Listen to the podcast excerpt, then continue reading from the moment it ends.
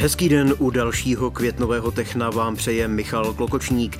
V pravidelném čase tu je přehled vybraných zajímavostí ze světa vědy a techniky. Nabízím vesmírné projekty, přírodní úkazy, lékařské objevy nebo archeologické vykopávky. Tady je naše čerstvé menu.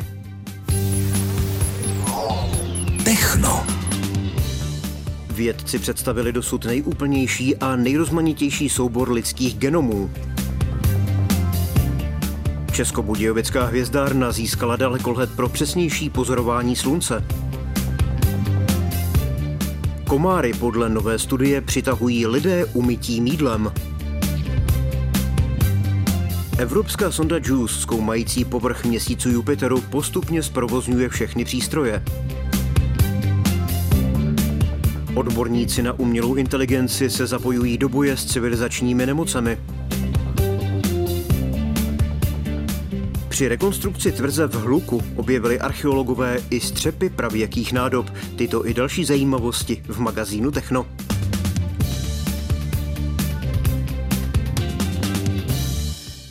Vědci ve středu představili první lidský pangenom, tedy dosud nejúplnější soubor lidských genomů, sekvenovaných od 47 lidí různého etnického původu, který lépe odráží světovou populaci.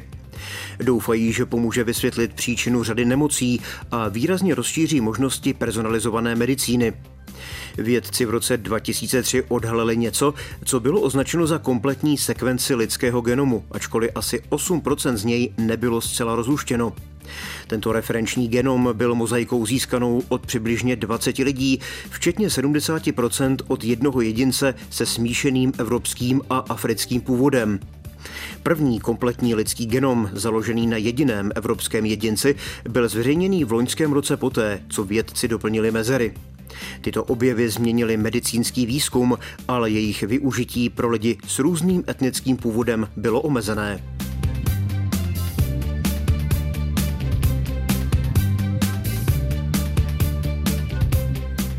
Hvězdárna a planetárium České Budějovice získala nový dalekohled. Přístroj umožňuje díky speciálnímu filtru přesnější pozorování slunce. Dalekohled mohou využívat školní exkurze, ale i veřejnost. Návštěvníci nyní mohou využívat na pozorování slunce dva dalekohledy. Nový, který stál přibližně 200 tisíc korun, však odhalí výraznější detaily. Na vstupní fasádě objektu Českobudějovické hvězdárny je také nově zobrazena velkoplošná instalace webova kosmického snímku Orlí Mlhoviny. Fotografie se rozkládá na ploše přibližně 50 metrů čtverečních. Českobudějovická hvězdárna, která má pobočku v observatoři na vrcholu Kleti, je v provozu od roku 1937. Objevila dosud přes tisíc planet a planetek.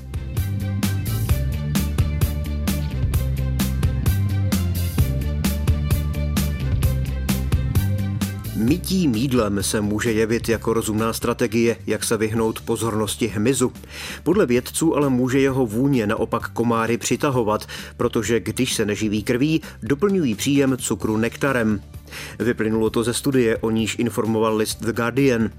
Vědci, kteří výzkum prováděli, uvedli, že komáři dávali přednost vůni dobrovolníků, kteří se měli třemi ze čtyř testovaných populárních značek mídla. Účinky mídel se u jednotlivých lidí poněkud lišily, pravděpodobně v důsledku interakcí mezi jeho vůní a jedinečným pachovým profilem každého člověka. Vědci dospěli k závěru, že výběr mídla by mohl částečně vysvětlit, proč jsou někteří lidé magnetem na komáry, zatímco jiní vyváznou bez kousnutí. Posloucháte Techno. Aktuální informace ze světa vědy a techniky. Sonda JUICE, která letí k Jupiteru, postupně testuje všechny své výzkumné přístroje. S jejich pomocí bude zkoumat povrch měsíců planety. Analyzátor vln sestrojený českými vědci se už ozval a funguje. Sonda je momentálně vzdálená od Země asi 5 milionů kilometrů, což je z hlediska planet stále poměrně blízko. Odborníci tak mají ještě čas ověřit, jak přístroje fungují a doladit je před náročnou misí. Podrobnosti má kolega Martin Srb.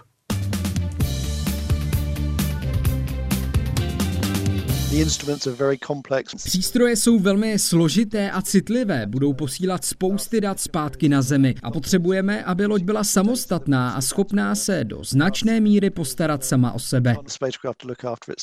Justin Byrne vede vědecký program společnosti Airbus. Ta vede konsorcium, které vyrobilo vlastní kosmickou loď JUICE.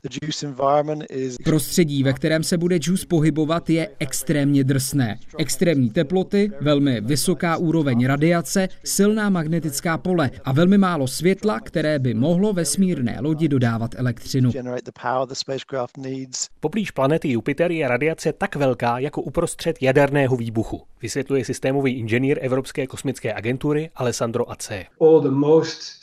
To nejcitlivější vybavení jsme museli uzavřít do schránek vyslaných olovem, které zachytí většinu radiace. Pak ale máme zařízení, které v principu stínit nemůžeme, jako třeba solární panely. Ty jsme museli navrhnout tak, aby vydrželi v takovém prostředí. Panely a antény, které sonda vysunula ven, jsou dlouhé až desítky metrů. Kromě náročných podmínek v okolí Jupitera navíc musí vydržet i střídání kosmického prostředí po cestě. Je to něco podobného, jako kdybychom na Zemi cestovali mezi tropickými a polárními oblastmi stále ve stejném oblečení.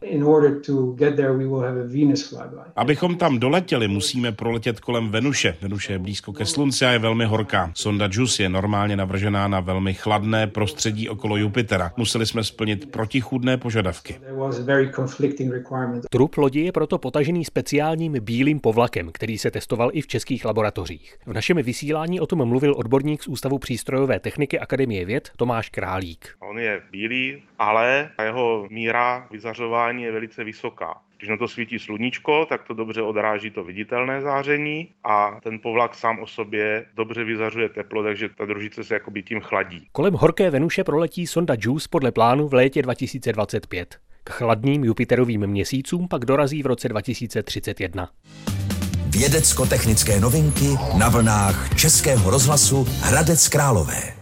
Odborníci z deseti zemí, včetně výzkumníků z Centra umělé inteligence na Fakultě elektrotechnické ČVUT v Praze, vyvíjejí systém na bázi umělé inteligence, který vyhodnotí individuální riziko nemocí způsobených stravou a na míru uživateli poskytne výživové poradenství. Vědci tak chtějí pomoci bojovat proti civilizačním onemocněním, jako jsou cukrovka, nemoci srdce a cév nebo taky obezita. Kvůli tomu, aby výzkumníci lépe pochopili vztah mezi jídlem a nemocemi, budou v rámci evropského projektu sledovat a vyhodnocovat stravovací návyky pacientů. O konkrétních dietních mechanismech, které nemoci způsobují, se totiž ví stále málo a současné nástroje používané ke schromažďování informací o stravě navíc spolehají na zadávání informací samotnými uživateli, což může být nespolehlivé, konstatovalo ČVUT. Podle něj v dosavadních výzkumech chybí i údaje týkající se skupin ohrožených civilizačními nemocemi, jako jsou lidé z nižšího socioekonomického prostředí. Neznámé novinky na známých frekvencích. Při loni zahájené rekonstrukci středověké tvrze v hluku na Úhrecko-Hradišsku objevili archeologové Slováckého muzea řadu cených nálezů. Jsou mezi nimi střepy pravěkých a středověkých keramických nádob, zvířecí kosti nebo železné předměty včetně sekiry. Odkryli také klenbu raně novověké kanalizace a část původního vodního příkopu. Stáří tvrze v centru města přesahuje 700 let. Archeologický výzkum pod vedením týmu Slováckého muzea v Uherském hradišti na ní v rámci oprav za desítky milionů korun pokračuje druhý měsíc.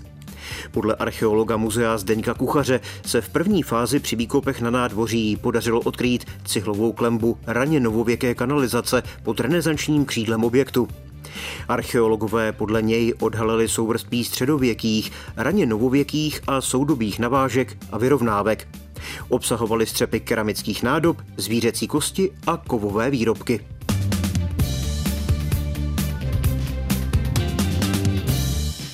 Z Techna je to všechno. Další výběr vědecko-technických zajímavostí vám nabídneme zase za týden. Náš pořad si můžete poslechnout i zpětně v digitálním archivu Českého rozhlasu na portálu můjrozhlas.cz. Od mikrofonu vám hezké dny přeje Michal Klokočník. Mějte se dobře.